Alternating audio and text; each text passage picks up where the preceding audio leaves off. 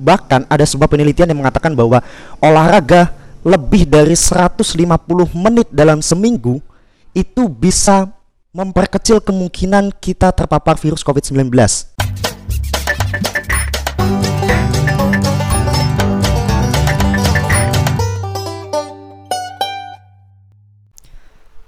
Assalamualaikum warahmatullahi wabarakatuh. Selamat datang di podcast Podcast Rizal Ever.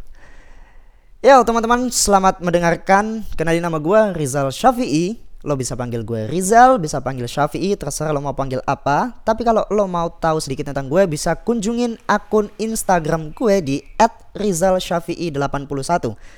@rizalsyafi'i pakai Y, jadi S Y A F I I 81 kalau dalam bahasa Arab mungkin ditulisnya pakai shin, bukan pakai sin.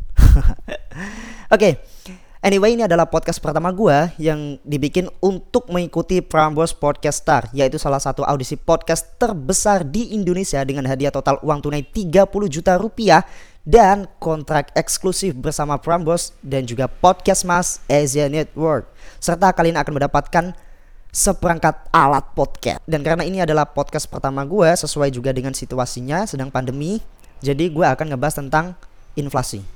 Enggak dong, gue akan ngebahas tentang pandemi COVID-19 yang sudah 2 tahun tapi belum juga hilang dari Indonesia. Masih banyak penambahan kasusnya, bahkan gue gue baca berita ke, kemarin Jumat 16 Juli 2021 dalam satu hari ada sekitar 54 ribu penambahan kasus baru dan itu sangat-sangat mengerikan. Jadi untuk teman-teman semuanya aku cuma pengen bilang ayo kita sama-sama jaga kesehatan kita, kita jaga keluarga kita, kita ikuti protokol kesehatan yang dianjurkan oleh pemerintah memakai masker, mencuci tangan, menjaga jarak supaya kita terhindar dari virus COVID-19 ini. Dan supaya kehidupan kita bisa kembali normal lagi. Kita bisa kembali ngobrol tatap muka secara langsung tanpa harus terhalang oleh masker. Kita bisa bersalaman tanpa harus ribet menyiapkan hand sanitizer atau mungkin kita bisa cipikat-cipiki dengan langsung bersentuhan pipi. Itu kan hal yang kita rindukan gitu. Kita bisa kembali nongkrong, ngumpul bareng teman-teman kita bisa main PS bareng ya kan rame gitu di rental PS atau mungkin kita main game push rank tapi ngumpul bareng-bareng di warung kopi itu kan hal-hal yang kita rindukan. Jadi ayo teman-teman kita bersama-sama berusaha memutus mata rantai penyebaran COVID-19 di Indonesia supaya kehidupan kita bisa kembali normal seperti semula. Dan untuk teman-teman, ayo ikuti program vaksinasi yang diadakan oleh pemerintah vaksin ini sangat aman. Jadi kalau ada yang bilang vaksin ini menyebabkan mual-mual pusing, ada yang meninggal karena vaksin gini-gini gini, jangan percaya. Mungkin efek sampingnya iya, mungkin memang ada. Mungkin sebagian orang mengalami efek samping seperti mual-mual pusing, tapi vaksin ini terbukti sangat aman. Bahkan Bapak Presiden Joko Widodo menjadi orang pertama yang divaksin. Masa lo masih nggak percaya tentang keamanan vaksin ini gitu loh? Jadi ayo kita sama-sama vaksin supaya tubuh kita kebal terhadap COVID-19. Karena mumpung kan vaksin masih gratis. Sebab uh, beberapa hari lalu kan ada berita mengatakan kalau akan diadakan vaksinasi gotong royong, ya kan? Ya itu cuman istilah-istilah halus lah padahal ya sebenarnya vaksin yang bayar gitu aja gitu. Tapi kan itu masih wacana, kita nggak tahu apakah itu akan terrealisasi atau tidak. Ya semoga aja tidak, semoga vaksinnya tetap gratis gitu. Tapi di samping itu semua, kita juga harus memiliki protokol kesehatan terhadap diri kita sendiri. Yang dianjurkan oleh pemerintah itu adalah apa? proteksi dari luar seperti 3M itu. Kita juga harus melakukan proteksi dari dalam diri kita sendiri dengan cara apa? Ya dengan cara kita menerapkan pola hidup sehat. Pola pola hidup sehat itu yang seperti apa? Ya seperti kita rutin berolahraga, makan makanan yang bergizi, tidur yang cukup, dan di masa pandemi ini kita tetap harus mendapatkan asupan vitamin D yang cukup. Dan yang terakhir adalah kita tetap harus menjalin hubungan sosial. Kita tetap harus bersosialisasi bersilaturahmi dengan teman sahabat saudara kerabat keluarga semuanya walaupun tidak bisa bertatap muka secara langsung Caranya gimana? Caranya yang pertama adalah untuk olahraga. Olahraga ini tidak mengharuskan lo untuk keluar rumah atau datang ke tempat gym, angkat-angkat beban. Ya walaupun sebenarnya itu bagus sih, tapi kan gym ditutup, jadi nggak bisa juga gitu. Lo bisa lakuin olahraga di rumah, nggak perlu alat yang mewah. Kalau memang nggak punya alat, ya udah lakuin aja olahraga-olahraga yang menggunakan beban tubuh lo sendiri atau yang disebut dengan body weight gitu seperti lo bisa melakukan push up, lo bisa sit up, lo bisa plank, lo bisa apa? lompat-lompat aja, skipping, lo bisa lari-lari keliling keliling rumah aja gitu loh. Jadi nggak perlu harus keluar rumah kumpul bareng-bareng enggak. Yang intinya adalah gerak, gerakin tubuh lo, jangan malas-malasan, jangan cuma rebahan dari pagi sampai ketemu pagi lagi rebahan sambil main HP. Jangan. Ayo gerak, ayo olahraga. Ada sebuah penelitian yang mengatakan kalau kita berolahraga lebih dari 150 menit dalam seminggu akan memperkecil kemungkinan kita terpapar COVID-19. Artinya olahraga ini sangat penting banget buat kita. Tujuannya apa? Tujuannya ya meningkatkan imunitas tubuh sehingga kita tidak mudah untuk terpapar COVID-19. Kalaupun nih, kalaupun misalnya kita bicara kemungkinan terburuk lah. Misalkan kita udah olahraga lebih dari 150 menit dalam seminggu, tapi kita masih terpapar. Maka kecil kemungkinan untuk lo dirawat di rumah sakit. Jadi kalau lo udah udah olahraga tapi lo masih terpapar COVID-19, lo nggak akan masuk rumah sakit deh. Udah gitu aja gampangnya.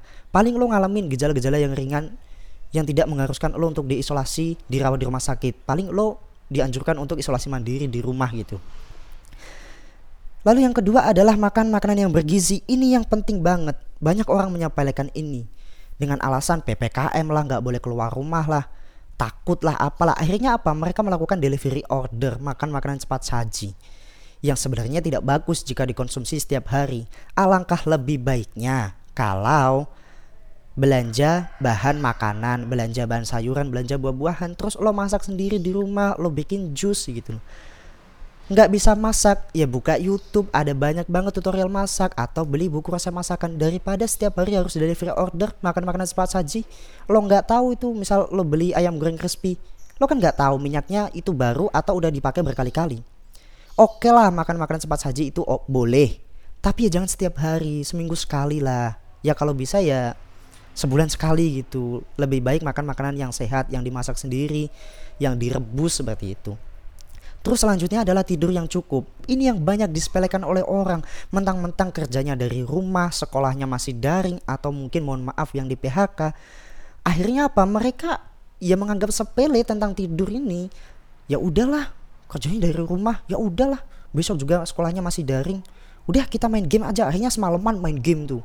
Atau mungkin streaming Netflix, maraton nonton drakor atau nonton apa pun lah itu.